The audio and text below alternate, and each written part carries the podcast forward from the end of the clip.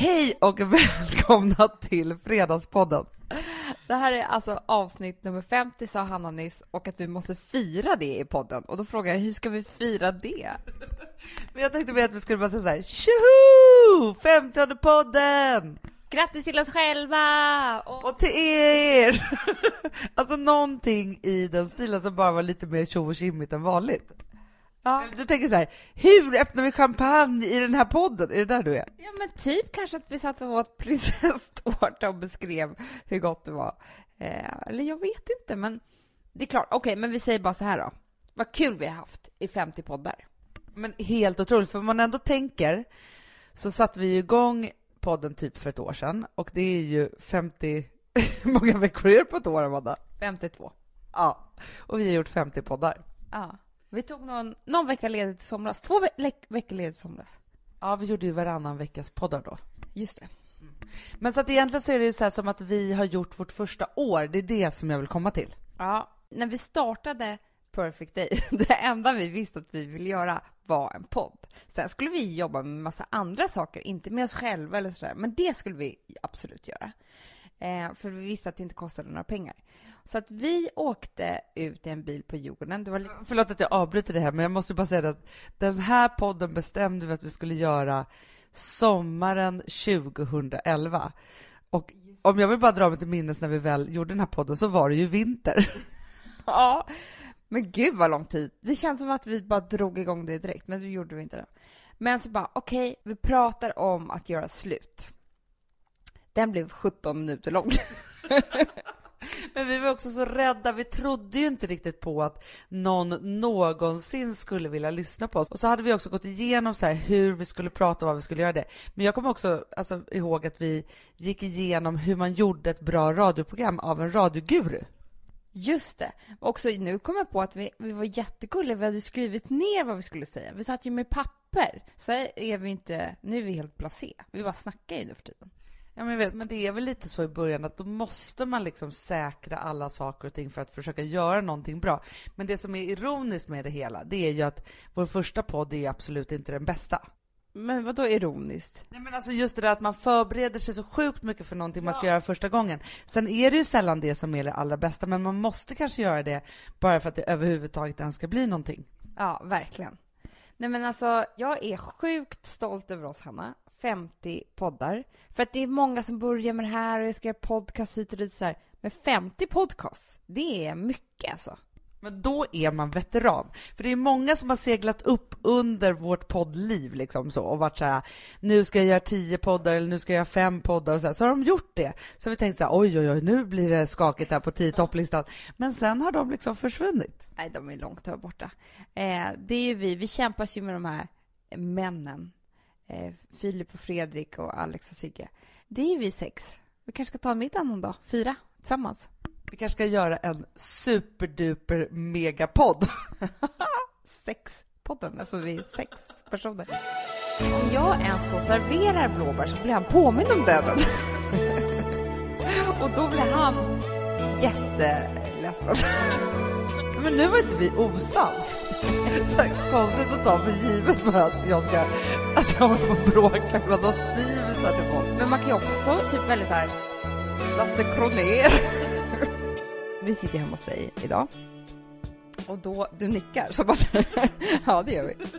Ja, jag, jag, glömde bort för en sekund sedan att det är liksom ljudet som, som räknas idag. Jo, i alla fall så har ju du en affär i ditt hus. En Det lät som att jag hade en affär. du har en ICA i ditt hus. Och då gick jag ner för att köpa lite tablettaskar eh, innan jag kom hit. Eh, Salvi Läkerol och Ice Mint Läkerol. Det som hände var, Hanna, att jag tog en Läkerol och medan jag stod och tittade på vilken andra smak jag skulle ha så kände jag plötsligt en väldigt van rörelse som jag har glömt bort. Nej, men vad då för rörelse? alltså, det här är så jävla pinsamt. Jag kände att det jag höll på att göra, som helt plötsligt kom tillbaka till mig 18 år senare, var att jag vek in den här tablettasken för att stoppa in den i armen. Vadå, en snattarrörelse? Hanna, jag måste varit värsta snattaren. Jag kände det nu när jag stod där nere att det här var liksom jag. Men vadå, i, i, i tidigare liv eller för några år sedan? Nej men alltså, när man gick, jag vet inte om man gick femman, sexan eller vad det var. Men det här, det bara satt i mig och jag bara kände hur jävla grym jag var på att, att jag skulle kunna ha snott den här Läkerolen. Men du gjorde inte det?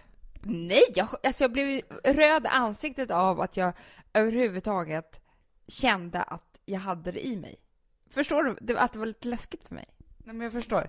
Du gick tillbaka till en rörelse som du hade förträngt. Ja, begravt alltså, hoppades jag. Och jag, tror, jag kommer inte ihåg att jag var och snattade direkt så här. Men nu bara kände jag att det måste jag ha varit, för det där var... Alltså, jag hade det i mig. Men jag förstår precis vad du menar just det här med rörelser. För att till exempel, när jag, alltså så saker som man har i kroppen men som man glömmer bort att man har.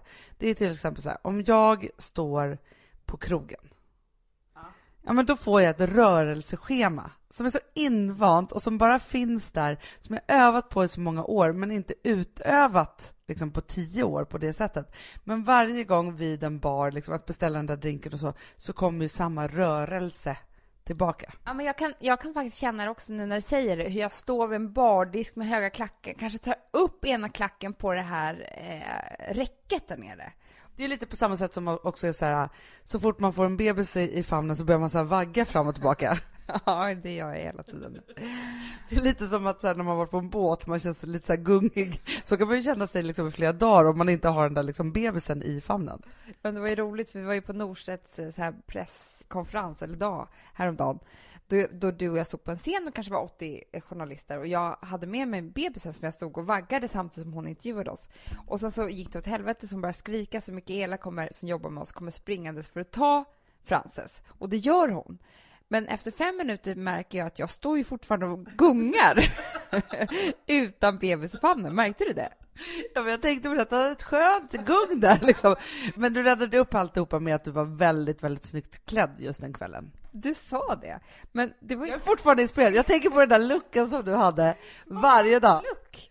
Alltså grejen är att du hade klätt ganska rockigt. Du hade ju svarta jeans, en svart skjorta, eh, lös ja, med liksom ett guldigt armband och så svarta stövletter med jäkligt hög klack och svart kavaj. Det här låter ju inte jättespännande, men det var skitsnyggt. Men jag var ju verkligen helt svart.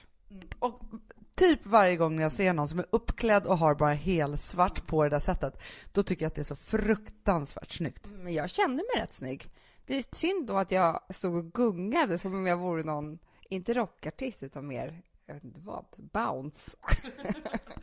Men du, apropå att vara snyggt klädd och vara ute och, och så här, så jag var ju faktiskt ute i lördags. Just det, det var det ja. Vi har liksom inte pratat om det. Det är helt sjukt. Jag vill inte prata om min middag som jag var på fredags heller. Nej, och det har jag tänkt på flera gånger, att jag bara vill ringa till dig och fråga. Jag vet. Men det var det, det var så mycket barn och kräksjuka, ja det var så mycket. Jag var i alla fall på 35-årsfest eh, på Taverna Brillo. Vad hade du på dig då?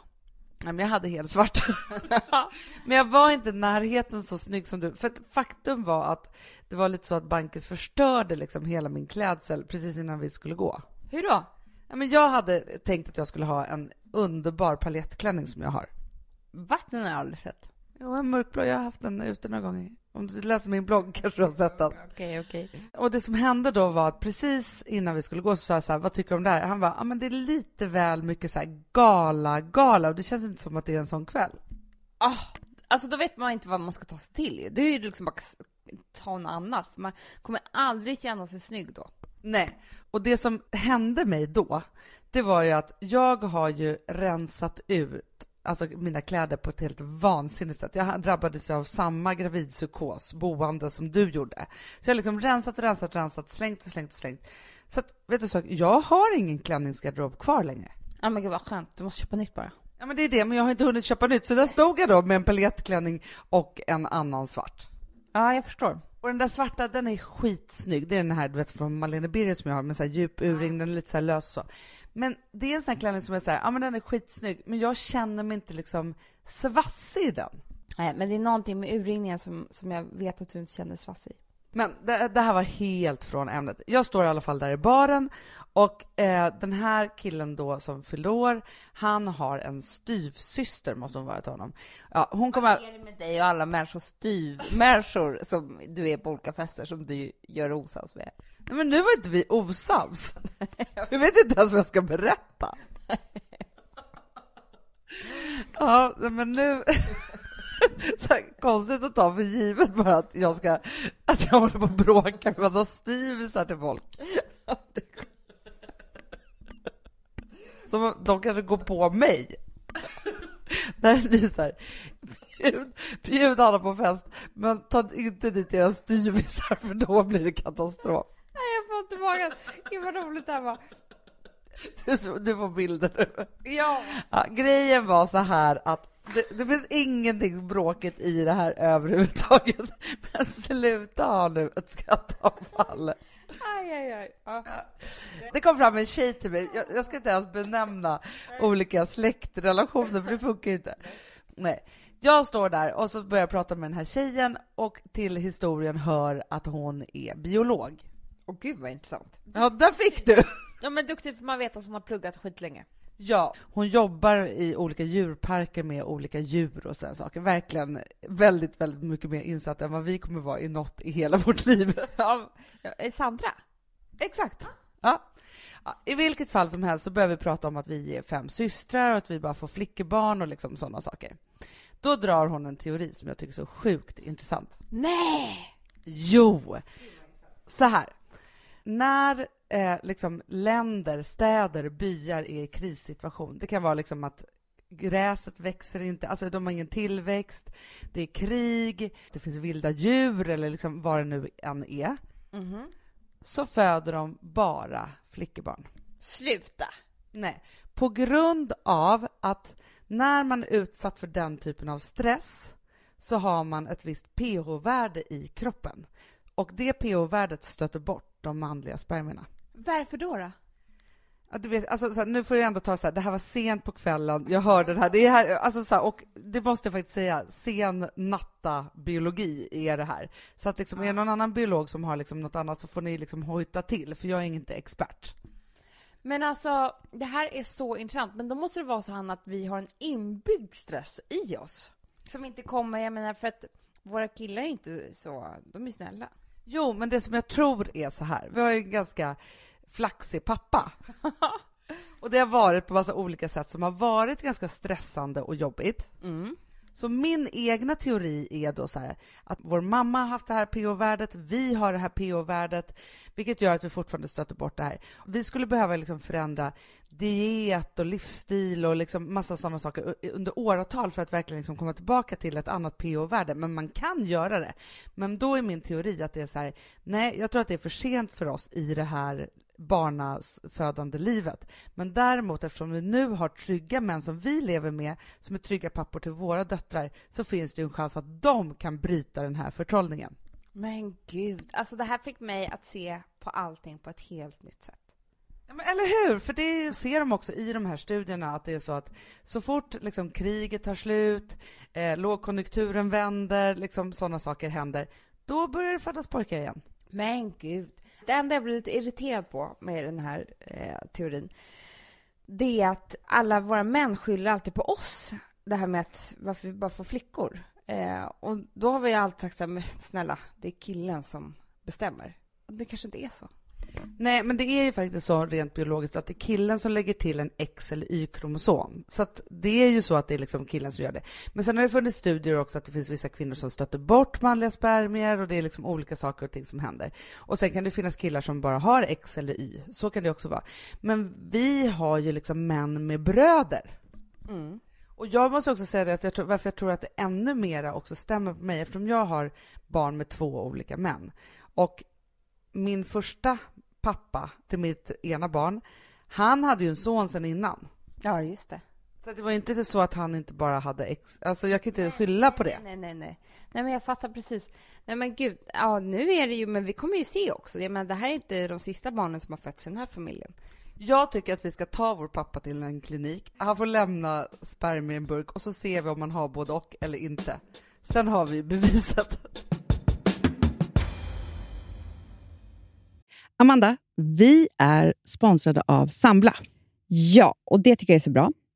För att just också i dessa tider, Hanna, men Mm. oavsett, så är det ju jätte, jättesvårt det här med lån och långivare och vad man ska ha, liksom vad man ska kräva och vad som är bra och dåligt och alltihopa. Och då, men Sambla, Hanna, de kan allt. Ja, Alltså, Alltså, allt om det här. Sambla är en personlig jämförelsetjänst för lån och de alltså, jämför upp till 40 långivare, vilket hade tagit otroligt lång tid och jättemycket energi om man skulle göra det här själv. Mm. Och De hjälper ju dig som kund liksom, att jämföra dina långivare. Ja, men det är precis det de gör.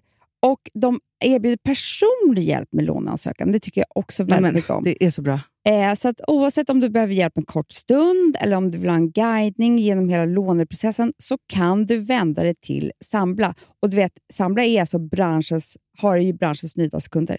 Fem stjärnor och 24 000 omdömen på Trustpilot. Då har man gjort ett bra jobb kan man säga. Mm. Så är det. Hörrni, in på sambla.se och ansök.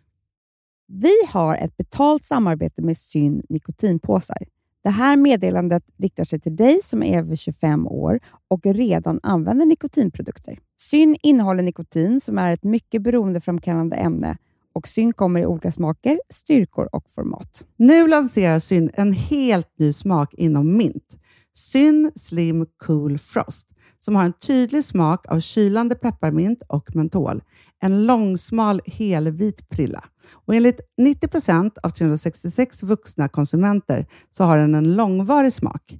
Läs mer på niko.com och klicka in på Syn. Och glöm inte att slänga din tomma dosa i plaståtervinningen. Woof! ja, det var kul. Mm, Jag är lite mer så här. Man måste, när, när man pratar, alltså vi sponsrar Prima Dog och när man pratar med den där, jag känner så att alla woofande måste vara med. Det finns ju de som säger woof, woof, och så finns det woof. Alltså, det, det finns Det många... här är mera Fonzie. Han, han skäller inte så mycket, men han låter så här... Ruff, ruff, Han har så, sån. eller hur? Så, ja, det har han faktiskt. Får jag, säga, jag skickade ett klipp till dig. Contemporary dance med hund. Du, det är så Fonzie dansar när han får prima dogmat. För att, Ja, vet du varför? Den är så snäll mot magen. Han får en helt bekymmersfri vardag. För du vet, magen, den måste man ta hand om. verkligen. Nej, men så här, och Prima Dog har ju torrfoder, våtfoder, godis och tugg i sortimentet. Alltså tugg är ah. som de skulle hålla på att tugga på. Det är, faktiskt, det är Fonzies favorit faktiskt. Tugget. Ja, men han har ju också börjat älska våtfoder. Mhm. Det skulle jag det också kanske tycka var go- Ja, gott. men jag, jag förstår honom faktiskt. Men det är alltså vetefria produkter med mycket kött. Och det är det som jag tror är så bra. Produkterna finns ju online, i välsorterade djuraffärer och i dagligvaruhandeln. Alltså jag skulle vilja att du och Fonzie lär er contemporary dans. Det var ju som agility fast med dans. Mm, ja, ja, vi ska Ah. göra det. Jag tror att Prima Dog kommer vilja ha oss som ansiktet utåt Ja, men det är det jag känner. reklamfilm. Ni dansar er fram till... Alltså för deras, jag älskar ju deras eh, liksom tagline och det är Taste of Nordic Happiness. Och liksom, Då måste dansen vara med. Ni kan gå in och läsa mer på primadog.se och snart se mig och Fonzie i en dans på en skärm nära er. Underbart!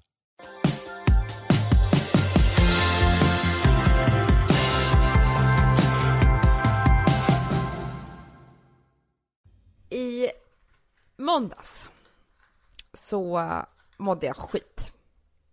Mådde jättedåligt. Alltså jag mådde så dåligt att jag, jag kunde inte ens säga till dig för hade, jag orkade inte gråta heller.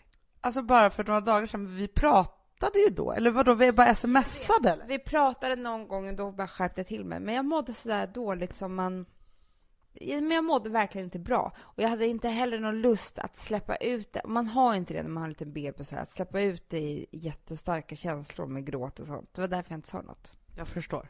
Alltså, du vet, när man vaknar på en morgon och man mår dåligt på en gång. När det är så här, det, det har inte någonting med något att göra egentligen. Det kanske bara, eller det, det har det ju säkert, men det bara är så. Och eh, det går inte att bryta. Men jag var tvungen att bryta det. Och det är det som är bra med att man har två barn. För det är så här, det, det funkar inte att, att jag skulle lägga mig så här och sova och vara deprimerad och kolla på DVDs. Det, det, går, det finns ju inte liksom, någon tid för det. Eller utrymme. Och då gjorde jag en grej som jag måste säga var väldigt framgångsrik. Gud vad bra. Alltså en, som en ångestborttagare. Ja. Jag bestämde mig för att låtsas att jag var någon annan. Mm, vem låtsades att du var då? Alltså jag låtsades att jag var en person som jag inte ens kan tänka ut riktigt vem det är, men det är en blandning av stilar. Låt mig förklara. Jag tog på mig Anna Anka-stilen. Grymt. För då behövde jag inte heller tänka så mycket liksom. Utan jag tog bara på mig träningsoverallen och det är ju liksom rätt pinsamt så här efterhand eftersom jag inte tränade överhuvudtaget den dagen. Nej, men du var in mind då, alltså en person som bara skulle träna lite när som helst. Helt plötsligt kanske bara kom någon träning så var du tvungen att utföra det. Ja men alltså jag var på väg till lite olika yogastudios så här hela dagen för att jag var en sån typ, förstår du? Jag fattar. Sen tog jag på mig eh, diamanterna, de var väldigt viktiga. Mm, så att det ändå var en lyxig eh, yogatjej. Alltså jag, var, jag bodde ju i LA. Du var en Hollywoodstjärna. Jag var det. Och vet du varför det var så bra också? Nej. Det var den 25. Oj, du kände dig som att du var miljonär. Nej, Men jag kände mig skitrik. Jag visste ju i alla fall att här fanns lite pengar på kontot. Och de ska jag göra av med idag. Inte alla kanske, men du vet man, man kan leka med tanken att man skulle göra av med allting bara på en dag kanske. Ja, men man känner så här, pengarna kommer inte ta slut även om jag köper något ganska dyrt. Nej, men precis. Det enda jag saknade var att jag kanske hade fint hår så här, men jag tog på mig också parfym för det känns väldigt viktigt i den här stilen. Och så bara marscherade jag ut. Alltså jag tog såna här liksom långa steg och Mot NK. det är klart. Jag gick till NK. För att det som är väldigt bra för mig också, nej men vet du vad jag var först Hanna? Eh, Birger. Oj, du liksom gick omkring där, du var lite så här nobelt. Där åt jag lunch. För jag har aldrig varit där förut nästan, känns det som. Men där var en liten salladsbar och då var jag så här, oj, här är jag helt plötsligt lite italiensk av mig. Jag sätter mig bara ner så här som om jag vore på ett litet torg och äter en sallad. Men framförallt då så, så låtsades jag vara en annan typ. Eh, en sån här LA Hollywoodfru eh, tjosan. Som man tror är väldigt lycklig. För det vet ju vi, Hanna, idag. Att inga människor är ju speciellt lyckliga. Alla bär ju på en påse med skit. Men man kan i alla fall låtsas att man tror att vissa är lyckligare än de andra. Och det här funkade ganska bra. Gud vad bra. Men vadå, så att du tog dig ur det här och sen så blev du liksom gladare ju fler timmar som gick under dagen? Jag fick en semester, ett, ett par timmars semester från min hjärna. Och när de här timmarna var slut, då hade jag liksom glömt bort lite. Alltså jag, för jag kan verkligen gå in i någonting och sen så, ja, så blir det bara värre, värre, värre. Och det här bröt hela det här eh, deppiga. Ja, men jag förstår. Men för det är viktigt att bryta det här. Jag tänkte faktiskt på det, för att när jag då var ute så sov ju då Rosa och Vilma hos eh, vår mamma. Och hon bor i närheten av där jag hade min första lägenhet. Mm. Och så gick vi ut där allihopa tillsammans och sa så här, barn, här har mamma bott i hela sin ungdom. Mm. Och mamma var ju med då. Och sen så samma sekund så tänkte jag också så här, för då sa mamma så här, men jag flyttade ju faktiskt hit i närheten för att du bodde här. Och så tänkte jag bara så här, och det var ju en jäkla tur. För att ibland var ju min, alltså min, vår mamma tvungen att komma och rädda mig. Ja. För att när jag var så här 20 någonting, jag hade ju rätt mycket så här panikångest, men det fanns ju inget ord för det än. Nej, jag vet. Man visste inte liksom vad det var, hur det var så här, och man visste inte att man kunde äta massa härliga piller för det och så här. Man visste liksom inte riktigt hur man skulle behandla det. Eller att man skulle gå till någon och bara säga så här, hej, jag har de här symptomen, kan ni hjälpa mig? Men det svåraste med panikångest är att det oftast är ganska fysiskt. Och vem fan hade sagt det till? Alltså det var ingen som någonsin hade sagt till mig. Det hoppas jag att de säger i skolorna idag. Eh, att det är ångest. Verkligen. Men då i alla fall så kunde jag ju hamna i sådana lägen. Jag vet inte riktigt vad som utlöste de här lägena. Jag minns bara att i min lägenhet då på Valhallavägen där jag bodde, där så fastnade jag ibland. Jag var väldigt rädd för att vara ensam. Mm. Det har jag nästan glömt bort nu, bara för att det var så länge sedan. Men nu när vi pratar om det så kommer jag ihåg det väldigt väl. Så att jag jobbade väldigt mycket med att, att så här, tanken av att så här, när jag stänger dörren till min lägenhet och jag är själv där, så är det inte så att jag är ensam, utan för att jag har valt att vara ensam. Mm. Att jag när som helst bara kan öppna den här dörren och gå ut och träffa någon eller ringa någon eller så här. Men jag kunde liksom fortfarande då och då stänga den där dörren och hamna i ett läge där jag trodde att jag var ensammast i hela världen.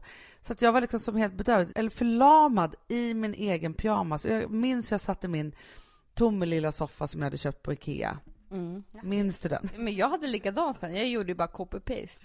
Exakt, och så satt jag i den och så hade jag pyjamas och oftast var det ju väldigt, väldigt, väldigt stökigt också. Mm. Och jag kunde inte ta mig därifrån. Men alltså det här har jag ju ärvt av dig tänkte jag säga. nej, men, nej men där är vi lika.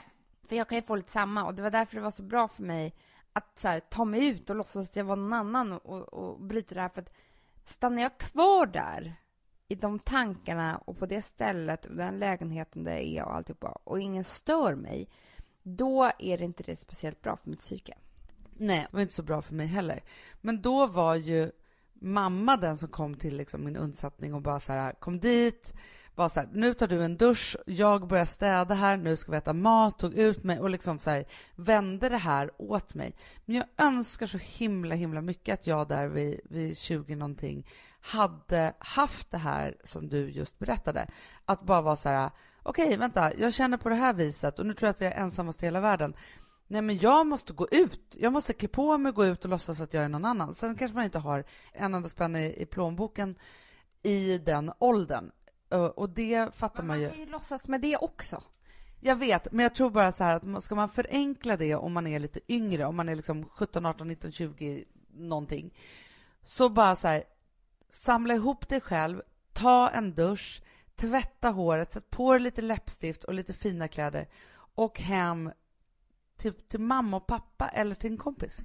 Ja, men jag menar det här, jag, jag, förstår att man inte bara kan gå och köpa grejer hela tiden, det kan inte jag heller. Nu valde jag ju den här glamorösa eh, Hollywoodfru-aktiga personen som var ute och gick i solen, bara så här lätt i sinnet.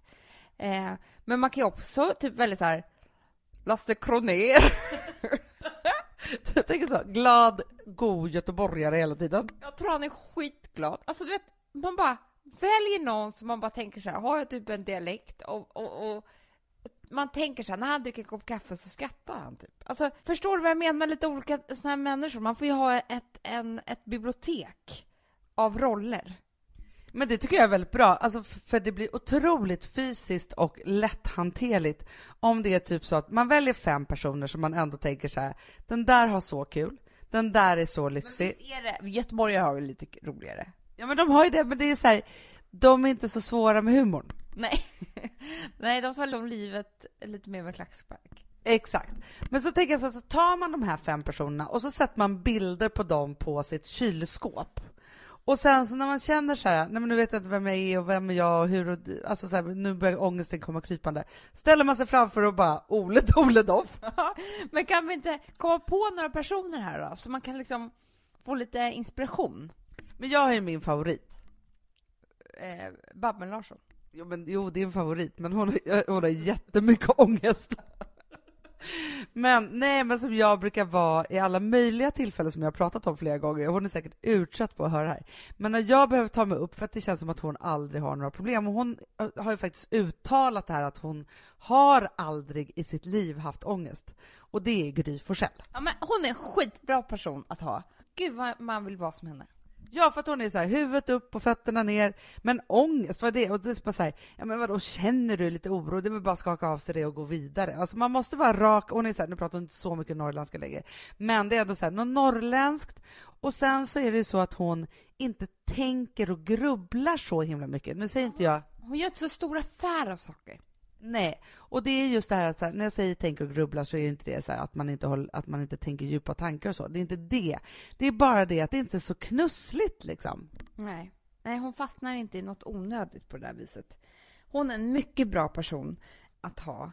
Hon skulle aldrig göra som du och jag. Vi har ju nästan som en sjukdom att om vi har varit på ett möte i ett rum, då måste vi analysera hur alla mådde under det här ja, mötet. Det är, ju, för att du och jag är dumma i huvudet. För det kan ha påverkat oss på något sätt. Ja, och sen så måste vi också ta reda på om de nu mådde så här i det här mötet, vad kan ha hänt dem innan? Vem kan de ha träffat och hur mådde den personen som har påverkat dem? Vi måste ju lägga liksom ångestpusslet med alla. Ja, ak akta er säger jag bara. Men du, jag tänkte på det här också. Det behöver inte bara vara olika människor som finns. Det kan också vara vissa typer av människor som kanske har typer av arbete.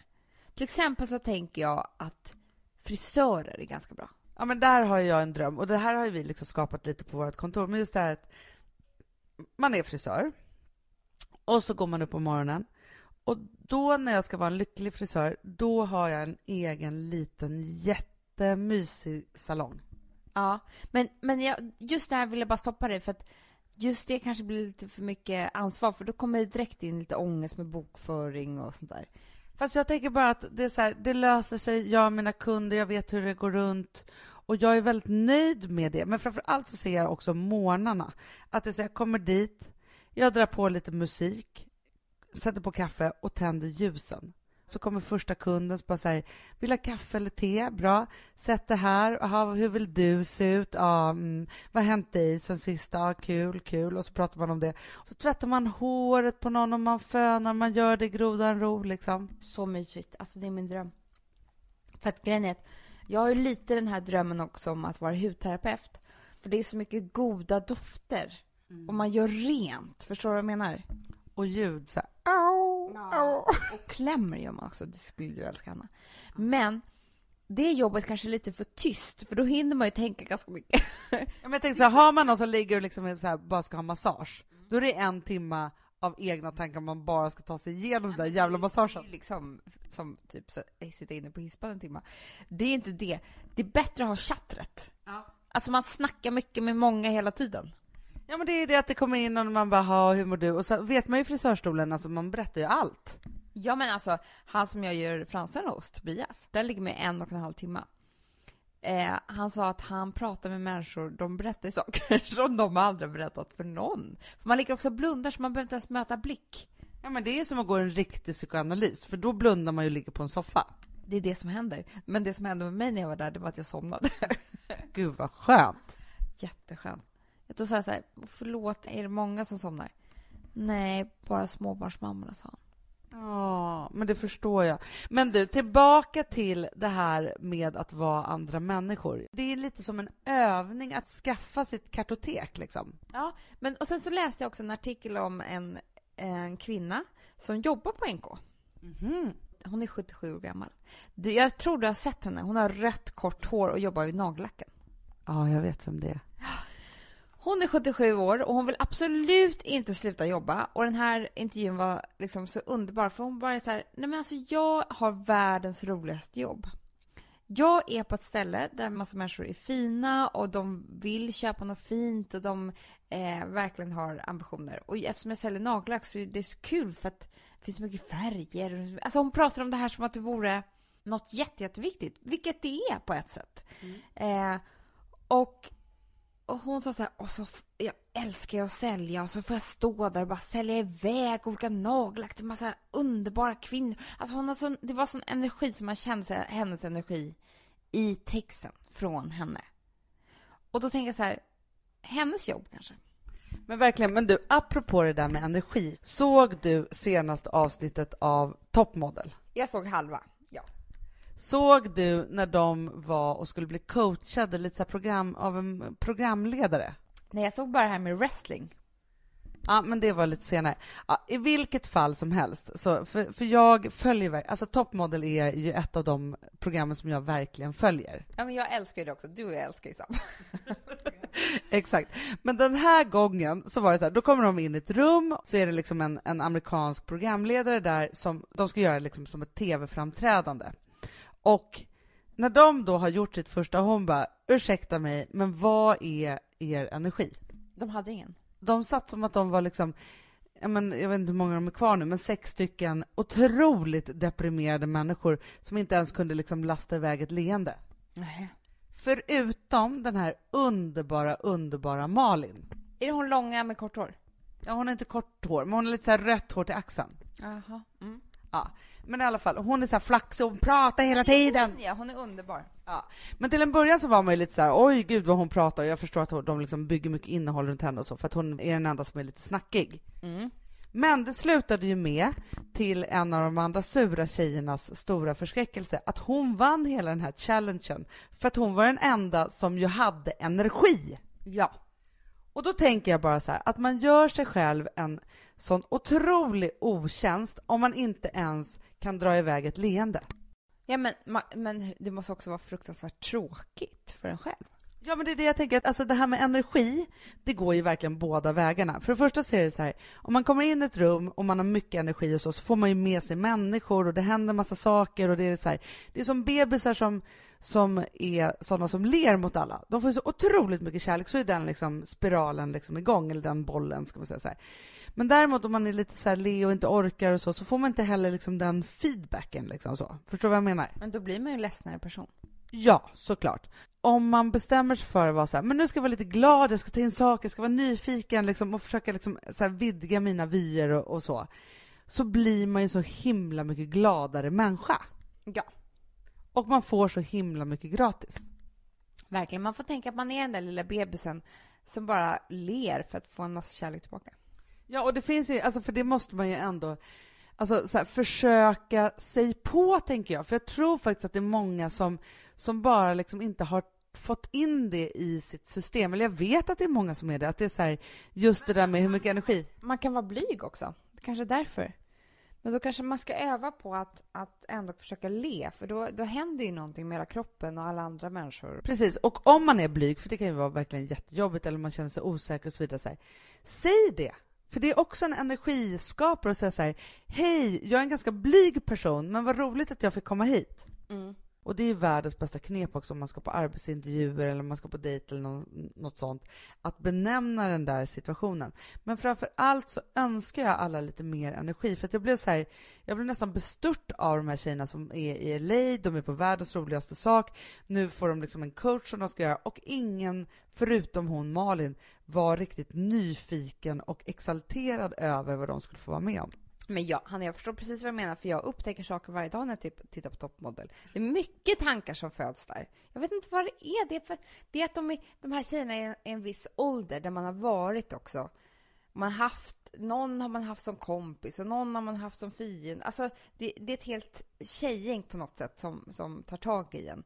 Och man känner sig både som dem, men man känner sig också som väldigt gammal och erfaren när man tittar på dem.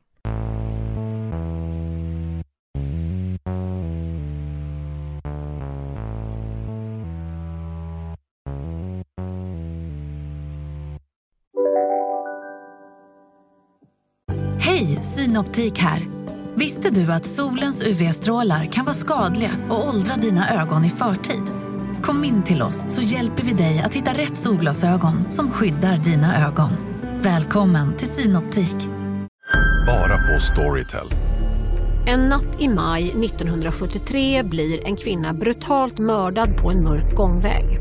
Lyssna på första delen i min nya ljudserie. Hennes sista steg av mig, Denise Rubberg. Inspirerad av verkliga händelser.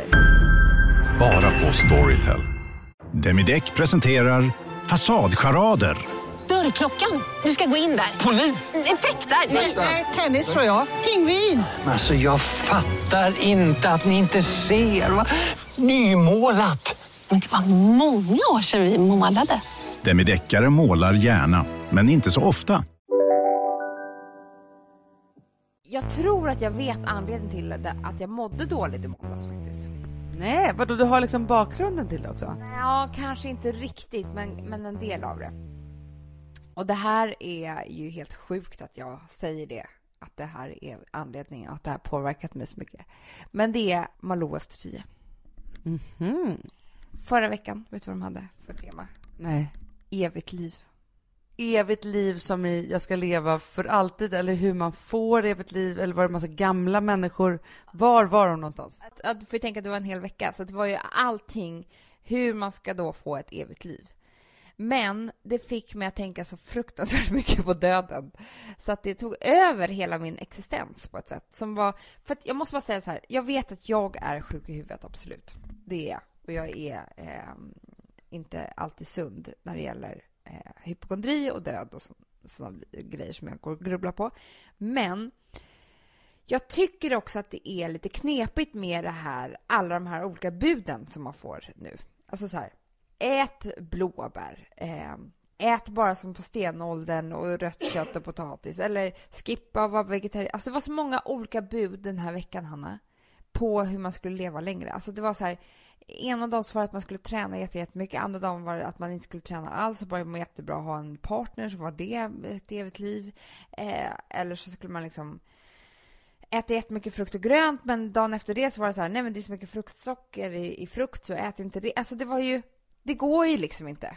Nej, men det är ju en djungel där ute och jag hörde faktiskt någon för bara några veckor sedan som sa så här, ja, men man kan ju leva lite hur som helst, men egentligen så är det bara generna som räknas. Ja, men precis. Och det är det här som jag... Jag satt där varje morgon. Och jag tror att, att även om ni inte är lika knasiga som jag är så tror jag att alla de som är mammalediga kan känna igen sig. För då har man lite för mycket tid och det är lite för tyst omkring en. Så att allting som man ser på tv och sådär kan bli ganska stort. Och varje dag så fick jag nya tips om hur jag ska kunna leva ett långt liv. Och när man sitter med en liten bebis så är man också extra, man vill ju leva länge då. Mm. Det är så extra påtagligt att man är behövd. Alltså, du vet, det var en människa, Hanna, så han hade förlorat allt. Han hade förlorat mamma, pappa i olika självmord, hans fru, hans barn. Alltså, han hade förlorat alla.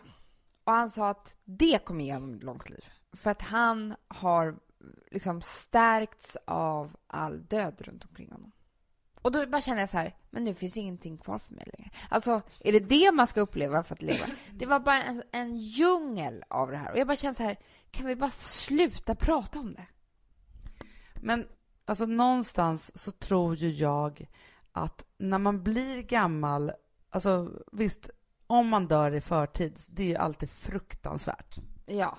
Men när man blir gammal, precis som att man tyckte så här, när man var 20 så tänkte man så här, när jag är 30, då är jag ju nära döden. Ja. Och man tänkte så här, att, att livet aldrig skulle förändras. Precis som man tycker att när man har liksom en fyra månaders bebis så tycker man att det är det gulligaste man någonsin har sett. Sen blir det en sex månader så tycker man att det är det gulligaste. Ja. Så tänker jag också så med livet, att det är så att jo, när man blir gammal så, så är man ju ändå där. Jo, men det, och det tror jag också, och det är jag inte så rädd för. Jag är rädd för två saker egentligen. Det ena är att dö. För, alltså, jag vill inte att det ska ta slut, det här, tyvärr. Tyvärr? Jag förstår, jag förstår att du inte vill att det här ska ta slut. Det finns ju de som kanske vill det. Tyvärr för er alla, men alltså jag kommer försöka leva. Nej, men det andra är att jag inte vill dö för tidigt. Så att, Såklart. Ja, och det är det jag är rädd för. Jag är rädd för, du vet ju Hanna, jag är rädd för cancern imorgon. Det är inte att jag är rädd för den när jag är 80 eller att jag vill leva så långt. Det är inte egentligen min grej. Det är bara det att jag känner att, att det är jobbigt med det här ansvaret. Att man skulle kanske kunna förändra alltså, ett cancerbesked eller eh, liksom, hur sjukdomen ska ta sig eller hit och dit. Om man hade levt annorlunda. Fast så här. Du, kan, du är ju medveten om massor med saker och så kan man bara vara så bra som man bara kan. Jo, Hanna, jag förstår det, men om du bara sätter det här sunda förnuftet åt sidan en, en liten sekund. För att det är klart att jag vill ha sunt förnuft och bara säga så här, jag ska vara så bra man kan. Men det hjälper inte mig.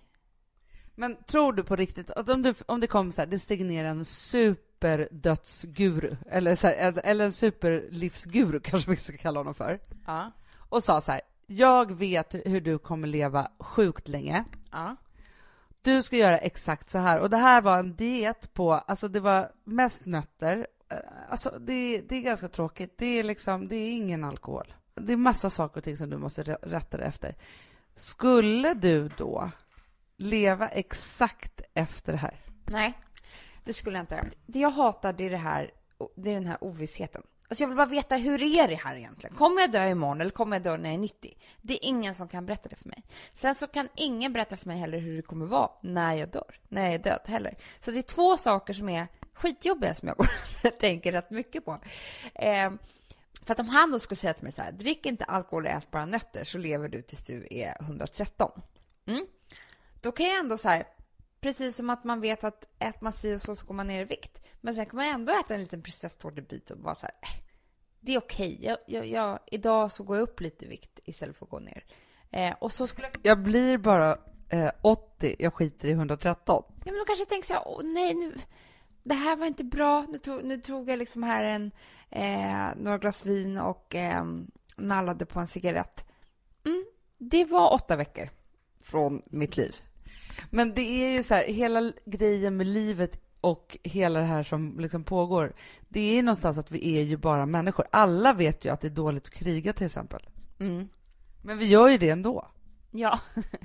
Alltså det finns inga frågor, eller det finns inga svar på någonting. Det finns inga frågor och svar. Nej, inga frågor. Det finns inga svar på någonting som jag har babblat om här senaste kvarten. Så att det är ingen det. Jag vill inte ens höra någon säga något till mig. För ni kan inte säga någonting. Det är det som är hela grejen med det här. Däremot så är jag jätte, jätte, jätteglad att veckan med evigt liv på Malou efter tio är över. Det förstår jag. Men du, jag tänker bara så att det här är egentligen min grej. För att du försöker nu ta kontrollen över döden. Och det är det du är arg att du inte kan göra. Och jag kan ju vara så när det gäller så graviditet så kan jag ju noja hur mycket som helst för att det är så här, jag måste lämna över det till universum för att ingen kan säga om det kommer gå bra eller inte eller hur det kommer bli eller vad det nu är. Så det här har ju varit en superpsykokamp för mig. Ja, jag vet. Jag har varit med dig två graviditeter. Ja, men det är konstigt att jag inte har det här med döden. Men jag tänker bara så här att det, det får inte förstöra mitt liv för att i så fall så skulle jag ju gå bananas. Ja, men jag vet. Och faktiskt så kan jag hålla det ganska mycket schack. Men jag tror att det här med att man precis fått en bild, det som vi har pratat om förut, att när livet kommer så kliver också döden in för en stund. Allting är lite skört. Det är liksom lite, ja, vad det nu är. Men också så blev det för mycket med den här veckan med evigt liv. Du pratar ju mycket om just det här programmet. Ja. Och jag tänker att du kanske ska liksom sitta hemma och vagga Frances till någonting annat.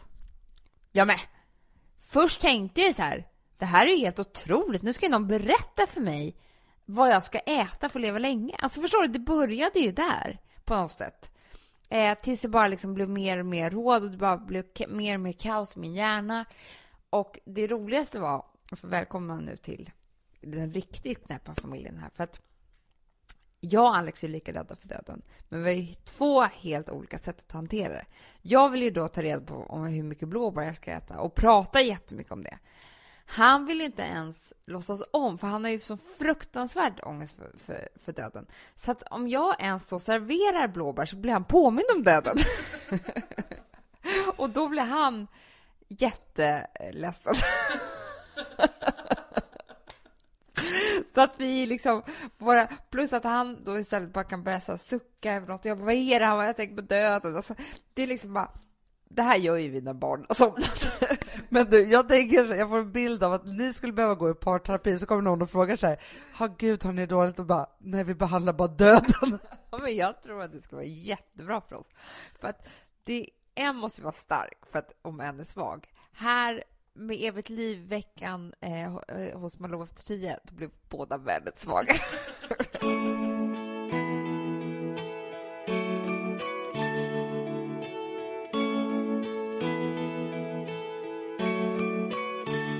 Hörni gullungar, nu är det fredag, ha en underbar helg. Jag är så fruktansvärt glad över att nu börjar mars. Det är som att våren börjar. Åh, gud vad skönt. Och du fyller år, Alex har premiär, det händer så mycket roliga saker. Vi ska spela in fler program och göra massa härliga omslag till vår tidning och nej, det är så underbart.